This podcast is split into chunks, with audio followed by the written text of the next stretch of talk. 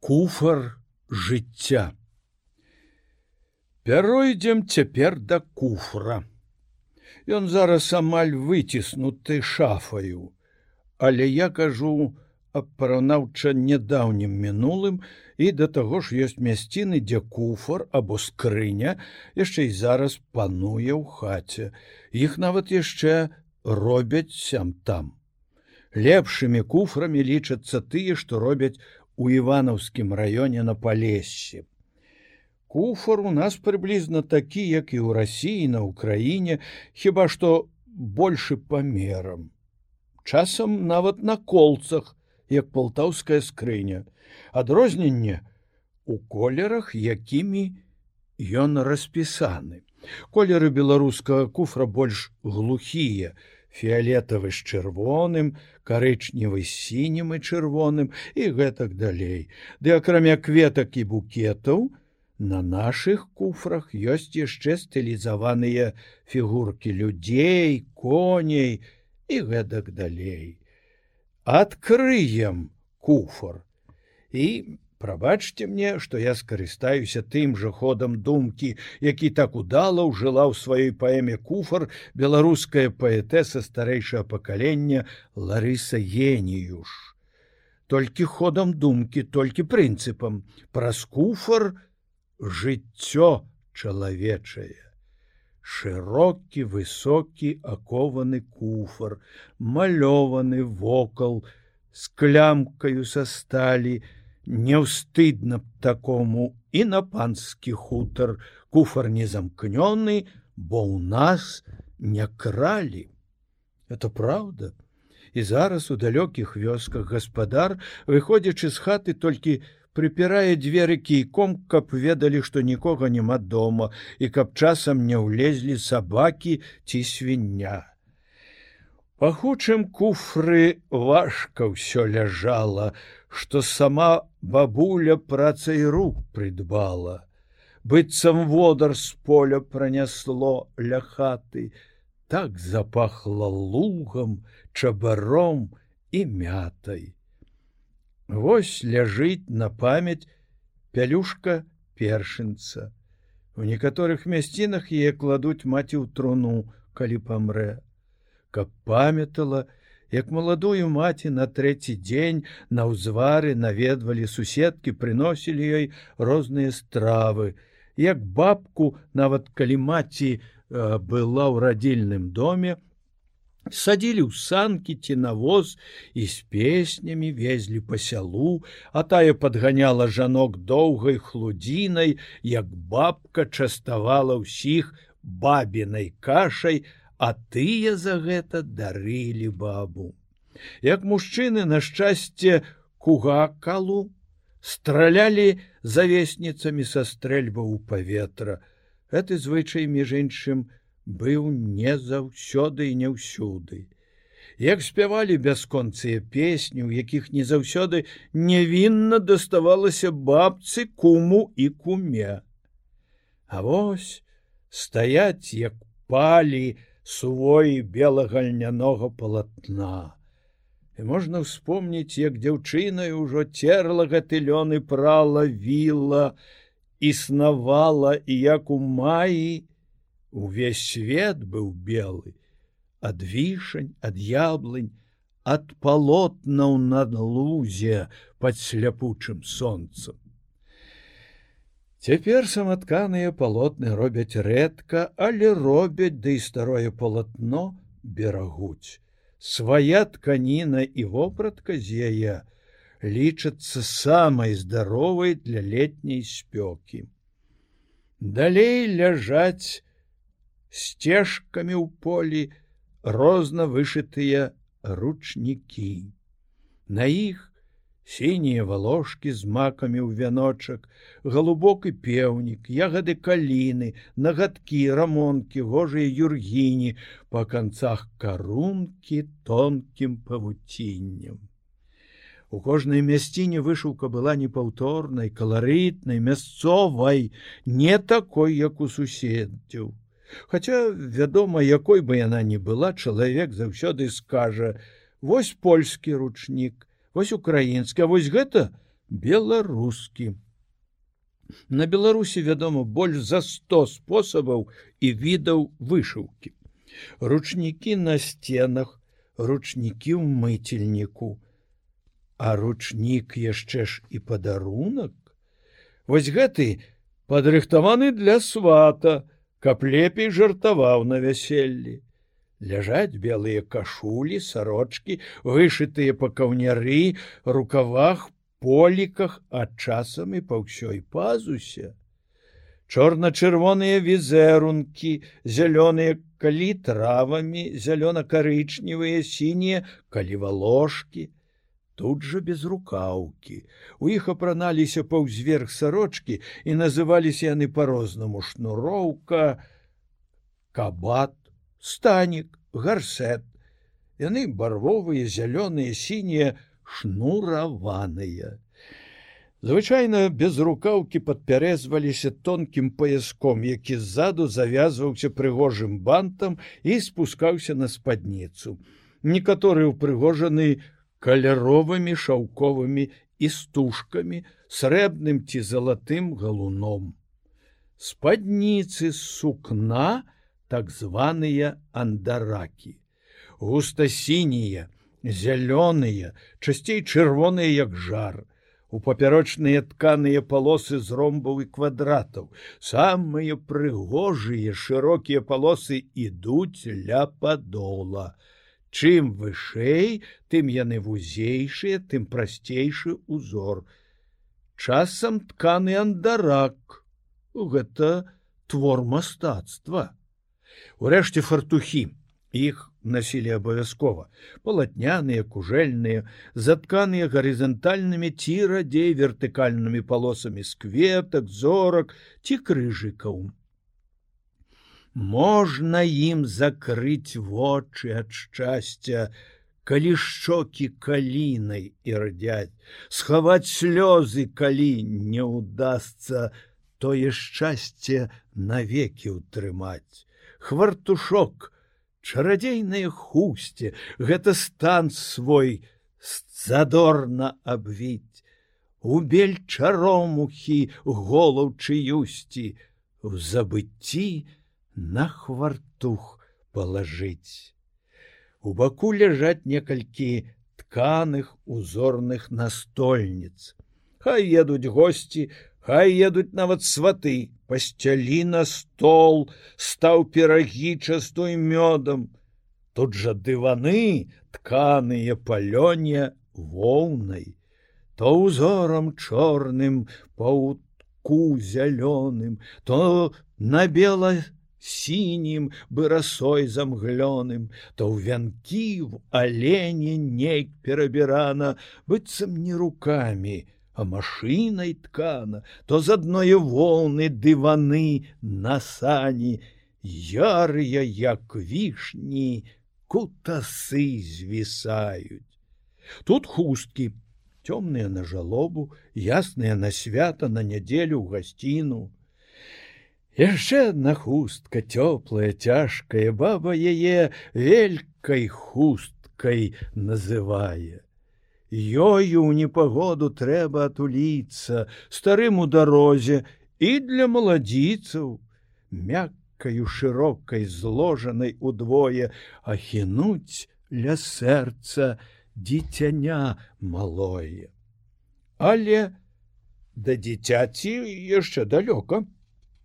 Всё ў куфры падрыхтавана, для вяселля. Вяселле ў розных мясцінах таксама рознае. Запісана некалькі сот варыянтаў. Раскажу аб адным, якое ад пачатку да канца бачыў сам. Жаніх і нявеста давно дамовіліся, але вёска была глыбінная, моцна трымалася звычаяў і таму многае было як раней сват. Бацька жаніха і жаніх паехалі за некалькі кіламетраў суседнюю вёску ў хату нявесты сват сваяк жаніха мажны дядька паважаны на сяле чалавек вынаходлівы востры на язык. Под'ехалі вылезлі топчучы сіні ад месяца снег сталі под акном пусціце добрыя людзі на начлег здаровыя былі ідзіце ў хату. У хаце прыезджыя паклалі на стол дары у тым ліку хлеб і віно і пачалася размова вся на выкрутасах вся на жартах на двух сэнсоўнасцях то купецкае пра тое а ці ёсць э, цялушка для продажы ды прадалі б каб купец знайшоўся. То паляўнічая наконт пошукаў куніцы то рыбацкая пра залатую рыбку. Урэшце прама гавораць чаго прыйшлі. Гаспадару лешчаны але куражыцца. Гаворыць нешта накшталт. Ды што вы людзі! Я наш у нас яшчэ малая Наш у нас яшчэ ўрэшаце спіць. Урэшце дамовіліся. Маладая дораць усіх багатымі ручнікамі далей много ідзе падобна як на вяселлях розных славянскіх народаў. Падрыхтоўка. Шэсці невесты ў народным строі па вёсцы з запрашэннем на вяселле.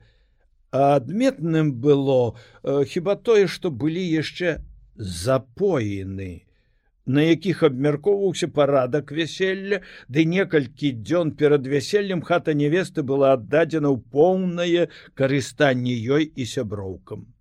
Частаваліся спявалі песні гаварылі пра было і будучае. Ніхто з мужчын не меў права носа паткнуць бліжэй чым да суседняга двара. Пасад невесты на дзяжу укрытую кажухом поўсцю наверх ёсць даецца не толькі ў нас каравай з шышкамі таксама а вось адметнае раніцай жаніх з дружынай у два десяткі хлопцаў і з баярамі, закусілі дома і паехалі на конях да нявесты. Іваньку матка радзіла, у дарогу выпраўляла, месяцам абгарадзіла, зарою падперазала. Едь дзіця раджонае, па сваё суджонае. Всю дарогу спявалі песні, пра тое, як травы расцвітаюць под копытамі жаніховага коня что бог таму дае хто дачку аддае за яго у нявесты ўжо быў накрыты стол але прыезджых не пускалі рабілі выгляд что будуць страляць біцца на смерть. Урэшце за выкуп пусцілі. Ішоў пачастунак. Пасля будучыя свацці на парозе зляпілі ў адну дзве свае палаючыя свечкі. І ў цябе свяча і ў мяне свяча і ў цябе дзіця і ў мяне дзіця злепема свечкі да кубкі зведзема дзеткі да хаткі да адзінай маткі Толькі тады ўсе зайшлі, размясціліся за сталом, маладыя на покуце, з'яўляецца каравай абвіты кветкам, ідзе пагулянка, пасля абрад завівання касы. Малы брат невесты яшчэ да абраду хоча вялізнымі авечымі нажніцамі гэту касу абрэзаць. Ужо нават заціснуў. Тут яна вырасла, тут і застанецца жаніх ясно выкупляе. Валасы жаніха і нявесты расплеценыя прадзяваюць па адной пасме у пярсцёнак і разам падпальваюць, а пасля паддзяваюць жаночы галаўны убор. Пачынаюцца плач, рыданні нявесты, ляманту, схліпы, ясно что тая самая невеста будзе насіць что хоча заплятаць валацы як хоча что галаву намётку чапец крэндаль так называются жаночыя галаўныя уборы адразу схаваюць у скрыню але ў глыбінных вёсках абраду яго дробязных вонкавых рысаў трымаюцца зацята пры завіванні спяваюць. А я цябе сестранька завіваю шчасцем доляю абсыпаю. Ой будь прыгожая кружа ой будь здорова як вода будь багатая як зямля тут неадменна знойдзецца нейкі парсюк які прыбавіць якую-небудзь гадасць накшталт будь пладавітая як свіння жанчыны яго за гэта б'юць ва всякім разе валяюць і шчыкаюць той раве з таго часу і ляжыць у скрыні побач з хусткамі дзявочы галаўны убор вянок абшыты парчой і сусальным золатам часта стогадовы і намётка у палаценкавы галаўны ўбор які абвіваўся вакол галавы под падбароддзем і пасля спускаўся на спіну дзявочая намётка патыліцы не прыкрывала а спускалася по плячах на грудзі багата і гожа затканымі і вышытымі канцамі. Зноў ядуць дзеляць каравай усе дорад невесту а маці яе сваякоў жаніхам на падарунках стаіць гэты абрад, як і многія многія іншыя народныя абрады. Ці то маладога ў войска прызываюць, ці далёка сына з хаты выпраўляюць. Дораць нарадзімы і на новоселле, дораць на хрысціны, дораць на вяселле, бацькоў маладога і сястру і брата, дораць музыкантаў шчодра дораць свата. Гуляюць вяселле, п'юць сябры нядарам, дораць ад сэрца маладую пару. Дружна пры гасціню п'юць, пяюць, гавораць, выйдуць, патанцуюць і ўсё дораць, дораць. Цяпер сялянскі аркестр нівеліраваўся. Скрыпка або дзве басетля гармонік баянці акардэон нейкі духавы інструмент ды бубен. Радзей хаця яшчэ досыць часта сустракаюцца цымбалы. Але амаль зніклі гуслі а дуда валынка я мяркую знікла зусім. Во всякім разе вось ужо 15 год як мне нідзе не даводзілася не чуць яе не чуць пра яе. Асаблівасцю вяселля з'яўляюцца здзеклівыя песні пра свата а часам і пра жаніха. Сват часцей за ўсё адбрэхваецца прымушаючы застолле качацца з рогату. Бабы спяваюць і сам сват п'янюга за гарэлку ён хоць чорта з вярбою са сватая і кабыла ў яго такая галодная што нават на вяселлі не толькі з'ела авёс засыпаны ёй гаспадаром а і ў суседняга коня з'ела. А пасля каля тыну крапіву крапіву каля саду рассаду рассаду сват у адказ. Барабаніце як парожнія бочки брэшаце на свой хвост.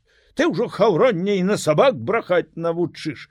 І шыеш і мыеш і ўсё языком а надумаеш перагі пячы то ўсе вароты ў цесце будуць. У нашага свата ўвесь двор на памосце.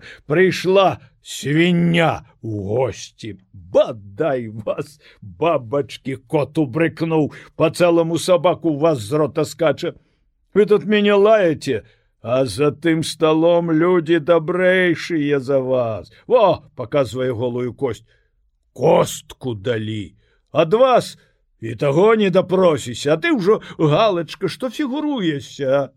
Ва ўсіх чэсных людзей чупрына на галаве ў твайго мужика плеш дай вам божа бабы пабіцца а мне на вас подзівіцца жаніху а ў горадзе морква цвітела наша зозечка за хорошага хацела. Як прыйшлося за п'яніцу заляцела. Тры дні ішла гулянка ў нявесты. Пасля конны паязд накіраваўся ў вёску жаніха. Калі жаніх з той жа вёскі, то часам бывае так: выедуць, праедуць некалькі кіламетраў і прыедуць у вёску з другога боку. Гэта як і сварка з жаніхом, калі збіраюцца біцца перажытак. Калісьці нявест умыкалі і абавязкова з іншага месца. Тут адбыўся таксама цікавы абрад. Відаць, калі яшчэ кралі нявест, то стралялі па-сапраўднаму. Цяпер гэта перажытак. Пры выездзе з вёскі на шляху высечаная барыкада з бярвенняў снегу, калоў, за барыкадай паходні факелы, доўбні, па-акцёрску злыя твары пагражаюць, патрабуюць выкупу, іначай не адпусцяць. Выкуп далі, і барыкада знікла менш чым за пять хвілін і паяст з коньмі разубранымі кветкамі і стужкамі памчаў а вакол конныя часам стралялі ў паветра не ад сурокаў як раней а просто для настрою.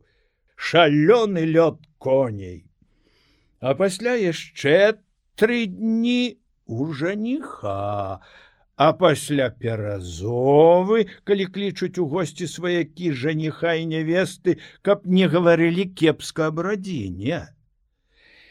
І ўвесь час звіняць, звіняць, звіняць песні, то сумныя, то заліхвацкія, між іншым за ўсе дні амаль ніводнае не паўтараецца. Ідзе жыццё, замужняй жанчыны. У куфры некаторыя рэчы яе мужа іншых членаў радзіны. Цяжкі суконны сувой на світку мужу, дедаві. У куфры хавалі з мужчынска адзення толькі такое, ды яшчэ паясы. Вопратка мужчынская хавалася або вісела асобна мужчынскія больш скупа вышываныя сарочки, нагавіцы з палатна для лета і з сукна для зімы. Вышывалі сарочки толькі на грудях, каўняры, манжетах, па ніжнім краі, а сям там ля плечавога шва. У мужчынскі гарнітур уваходзіла яшчэ камізелька без рукаўка. Ну і ясна, што асобна зберагалася верхняя вопратка, як мужчынская, так і жаночая. Кажухі, кажушкі, часта вышытыя, буркі, тоўстыя ў палец паўтара і доўгія паліто з капюшонам для зімовай дарогі, світкі, другія назвы латуха, сярмяга, сукман, жупан рознага колеру, але часцей за ўсё, белыя, часам расшытыя чырвоным сукном гомельшчына, сінім шнурком быхаўшчына, зялёным шнурком або чорнай скурай под клімавічамі. Таму натоўп сялян заўсёды здалёк выглядаў белым. Ясна, што не трымаліся ў куфры і валеныя шапкі магеркі, усечаны конус з адгорнутымі краямі брылі, футравыя шапкі аблавухі або рагатоўкі з белай аўчыны. Не трымаўся і абутак, скураныя па сталы, хадакі, поршні, з цэлага куска скуры або рознакаляровых яе палосак, плецяных у шашачкі, лапці. Дарэчы дужа зручныя ў грасці ў балотны сенакос. Вода не затрымліваецца лёгка назе практычна нічого не каштуюць. Чаравічкі храмавы абутак бо надзявалі хіба толькі в одну царкву боты. А паясы ляжалі ў куфры плецяныя або тканыя ў ёлачку капыцца ромбы у пчолку двух і шматкаляровыя шырокія і вузкія. Іх некалькі разоў абгортвалі вакол таліі а пасля канцы заўсёды ўпрыгожаныя кутасамі спускалі збоку радзей спераду ці ззаду. Паясочак сіні недзе ад матулі, а чырвоны яры мужу да кашулі, А вось гэты гожы доўгі з кутасамі падпярэзваў святам бабін брат часамі. Загудзелі дуды, гуслі зайгралі, брат скакаў, а з ветрам кутасы ляталі. І слязу змахнула рукавом бабуся, бо адзіны брат той з вайны не вярнуўся. А шырокі пояс зложаны ў дзве столкі падпярэзваў колісь дзед бабулін толькі. Зіхацеў на свіце, шырынёй быў пана, толькі што не слуцкі, а ў дома тканы. Хутчэй, чым прыняць і той абычай панскі, спадабала шляхта, паясок сялянскі, не са слуцкіх, родны паясок зарадзіўся, а насіці пояс. Пану сялян вучыўся. Побач з паясамі адгароджана ў куфры месца для прыкрас. Тут пярсцёнак. Пасля заручын яго заўсёды здымалі і хавалі, бо перашкаджаў працаваць. Побач ляжаць каралі часам сапраўды з караляў ці нават бурштына янтара і гарната граната ці штучнага жэмчугу а то і проста шкляныя. Дарэчы бісер на беларусі зусім не карыстаўся павагай. І ясна запасныя завушніцы. Завушніцы насілі ўсе. Пратыкалі мочки вушэй Э, год усем. Працягвалі голкай ільняную нітку, якая там да часу і заставалася, а месца праколу некалькі разоў прамывалі гарэлкай або лепей грудным малаком.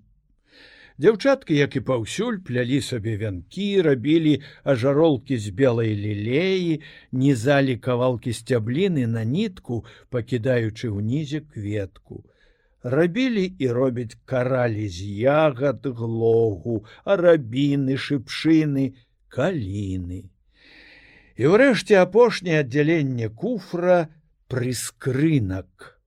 Пад ім складзены фартух, андарак, кашуля, абутак, хустка. Гэта апошняя смяротная вопратка.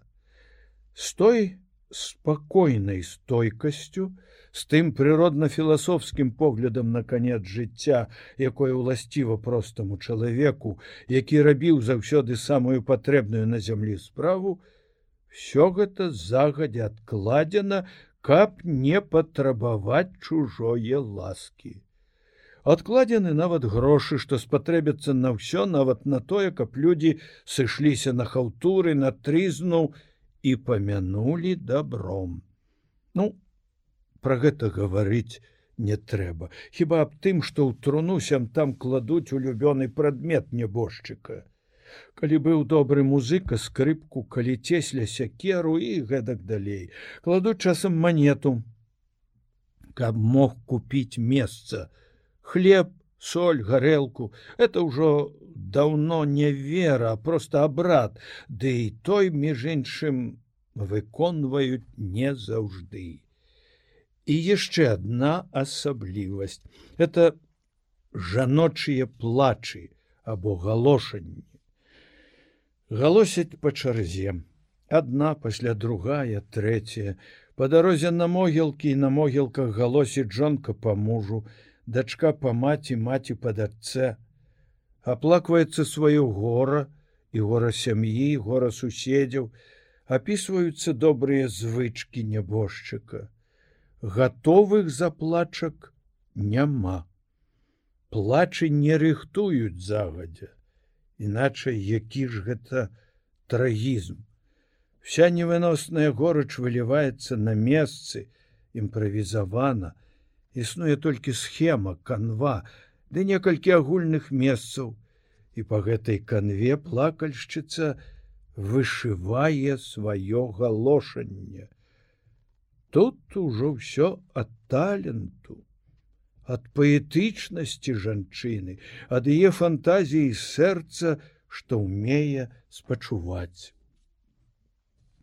Некалькі год назад мы здымалі фільм аб ахвярах фашызму.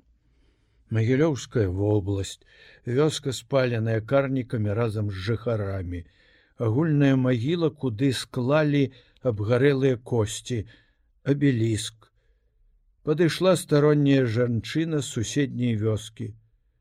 Сваякоў яе тут не было.